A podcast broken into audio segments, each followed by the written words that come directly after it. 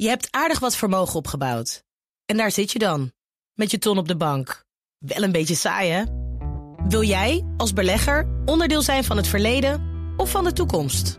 Bridgefund is een slimme fintech die een brug slaat tussen de financiële behoeften van ondernemers en van beleggers. Dus wie belegt bij Bridgefund krijgt niet alleen een mooie vaste rente, maar brengt ook ondernemers in beweging.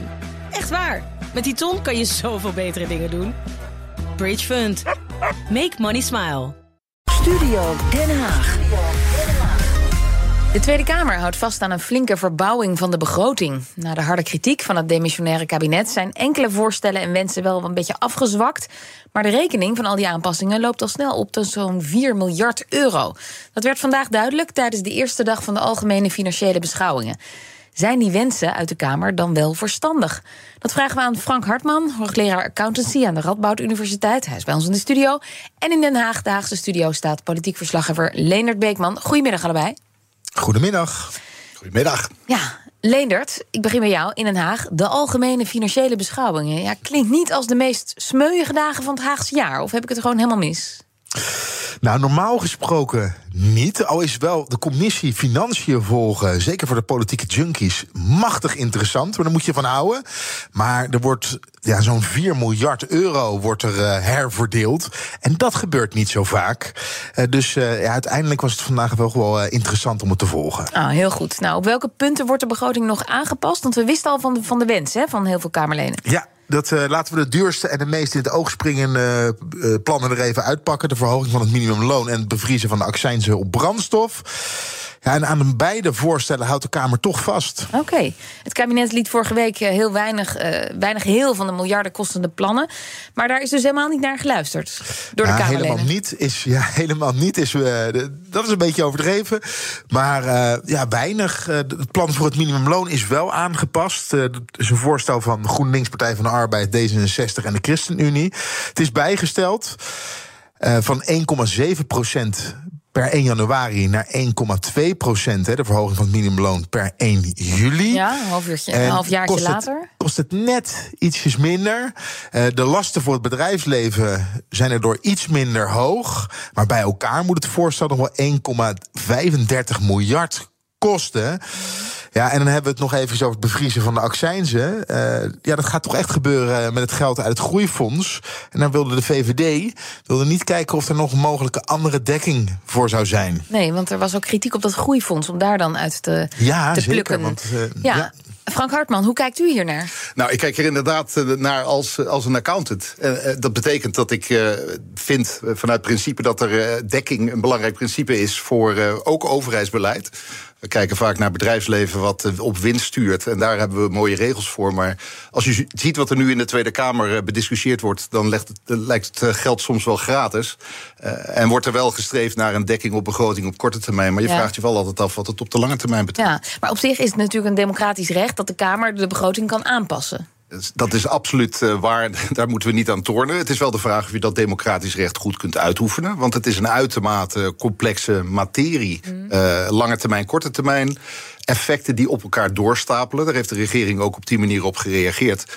Uh, ja, en de wensen die bij uh, de bevolking goed vallen, en ook terecht in een democratie, uh, of die ook financieel uitkomen, dat is Ja. bijzonder moeilijk door te rekenen. Het gaat natuurlijk over de lange termijn, zegt u terecht, maar soms ook over de heel korte termijn. Ik herinner me vorig jaar dat de energiecompensatie, die is in de nacht voor Prinsjesnacht nog besloten.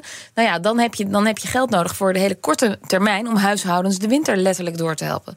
Ja, inderdaad. En het, uh, het aantrekkelijke van dat soort korte termijn maatregelen is dat je ze in zekere zin kunt overzien. En dat ze ook direct neerkomen en uh, terechtkomen bij degene die uh, nou ja, uiteindelijk ook in dat Ja. democratisch proces weer onze vo- volksvertegenwoordigers mogen, mogen kiezen.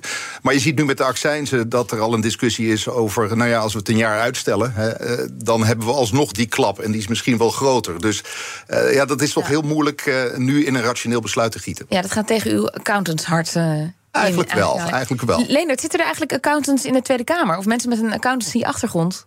Weet je dat? Goh, daar vraag je me iets. Ik weet het ook niet, hoor. We zullen Maar- wel veel economen zitten er in de Kamer. Ja.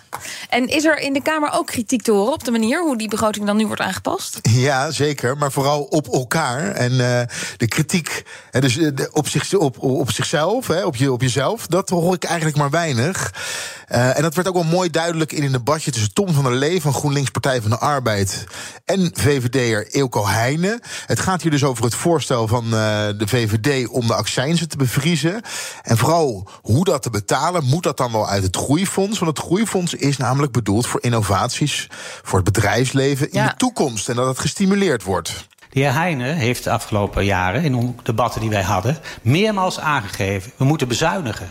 We moeten bezuinigen. En niet 1 miljard, misschien wel 10 miljard, misschien wel 20 miljard. Hoe kan het dat de VVD met een dekkingsvoorstel komt waar niet echt een bezuiniging in zit, maar gewoon een kastschuif uh, wordt gedaan die het tekort verhoogt in plaats van bezuinigingen invult? Waar haalt u straks al die miljarden bezuinigingen dan vandaan? Waarom zit dat niet in dat abonnement? Heer Heijnen. Omdat, uh, voorzitter, uh, mijn, mijn inschatting is dat het dan uh, niet op een Kamermeerderheid kan rekenen. Want als ik zo hier de meerderheden proef, zijn die niet pro-bezuinigen, zijn die pro-belastingverhogingen. Daarom ben, ik ook blij dat het binnenkort verkiezingen zijn. Omdat we proberen natuurlijk die verhoudingen te veranderen. Ik denk echt dat we minder moeten gaan uitgeven. Dat we te veel belasten. Ik denk dat het echt anders moet in Nederland. Maar als de heer Van der Lee inderdaad zegt van we nemen een risico met het begrotingstekort laten oplopen. Dan kunnen we elkaar de hand schudden. Want daar ben ik natuurlijk zeer mee eens. En ik kijk uit naar de plannen van de heer Van der Lee om dat tekort naar beneden te krijgen. Ja, wat uh, de VVD er eigenlijk zegt, het moet maar even zo. Maar na de verkiezingen willen we het heel anders doen. Dan ja. willen we gaan bezuinigen. En meneer Van der Lee van GroenLinks, Partij van de Arbeid... doet u maar lekker met mij mee na de verkiezingen. Ja, meneer Hartman, is dat allemaal verkiezingsretoriek? Ja, ik denk het wel. Um, uh, het is over anderhalve maand zover. Uh, we weten dat in het politieke debat de menselijke emotie enorm opspeelt. Um, terecht of onterecht, maar je ziet dat uh, er over bestaanszekerheid wordt gesproken in een toch nog steeds relatief rijk land. Laten we ja. eerlijk daarover zijn. Je kunt je ook afvragen of inderdaad een uh, kleine verhoging, minieme verhoging van hun minimumloon nu daar ontzettend veel aan bijdraagt.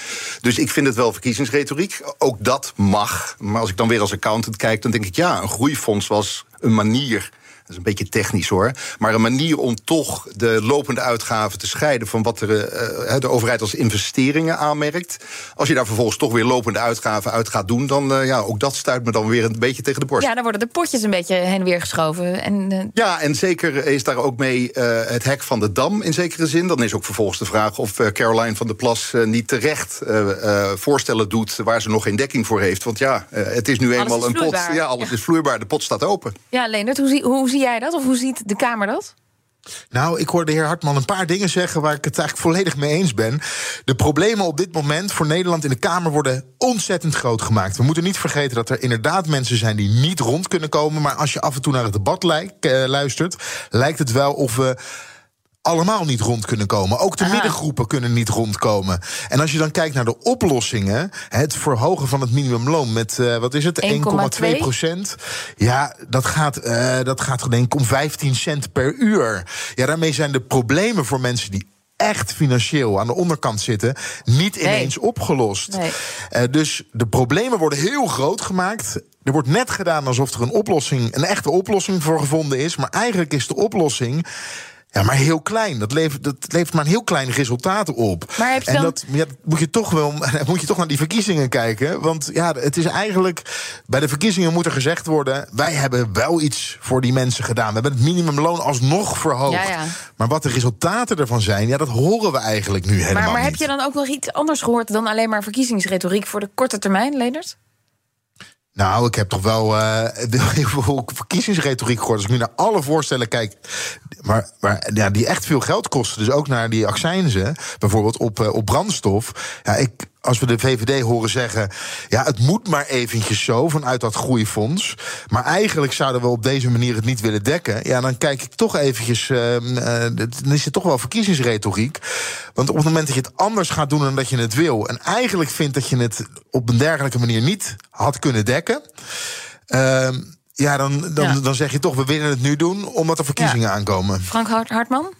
Nou, wat ik interessant vind, is dat er op de achtergrond, en dat is ook een beetje weer mijn accountingblik, vanuit de Algemene Rekenkamer bijvoorbeeld, echt uh, ook opmerkingen worden gemaakt over de houdbaarheid van beleid, het doorrekenen ervan, de uitvoerbaarheid, waar ook steeds wel veel meer aandacht voor is, maar in het politieke debat niet altijd, mm -hmm. omdat het, uh, ja, het, het, het, klinkt beter om met bedragen ja. te slingeren dan om te zeggen, nou, maar dit jaar lukt het nog niet, misschien volgend jaar.